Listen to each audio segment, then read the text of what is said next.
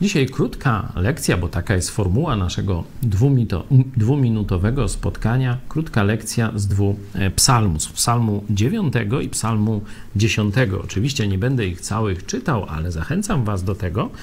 Chciałem się skupić na końcówce. Psalm 9 kończy się tak: Powstań, panie, by nie przemógł człowiek. Niech będą osądzone przed tobą narody. Rzuć, panie, postrach na nie. Niech widzą narody, że są tylko ludźmi.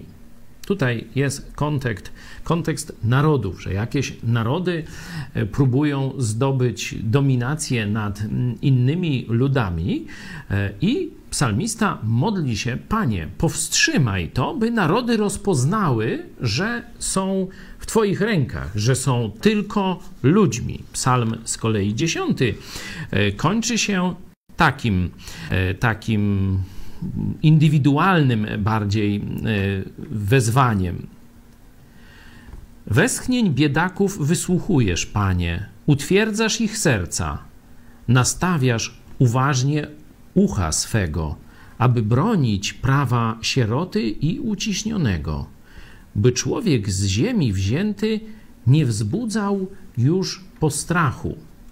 Oczywiście e, są rządy, są ludzie e, sprawiedliwi po to, żeby porządku pilnować, po to jest tam policja i wojsko, ale pamiętajmy, że nad tym wszystkim czuwa Bóg. On czuwa, żeby jeden naród nie zdominował na trwale innych narodów, żeby każdy naród znał swoje miejsce i wiedział, że składa się tylko z ludźmi, ludzi, chociażby mówił o sobie nie wiadomo co, tak jak naród sowiecki, tak jak tysiącletnia Rzesza Niemiecka. Zobaczcie, wszystko w puch się rozbiło. I tak samo w porządku e, indywidualnym. Bóg się upomina o tych, którzy cierpią niesprawiedliwie, po to, żeby człowiek z ziemi wzięty nie wzbudzał już postrachu.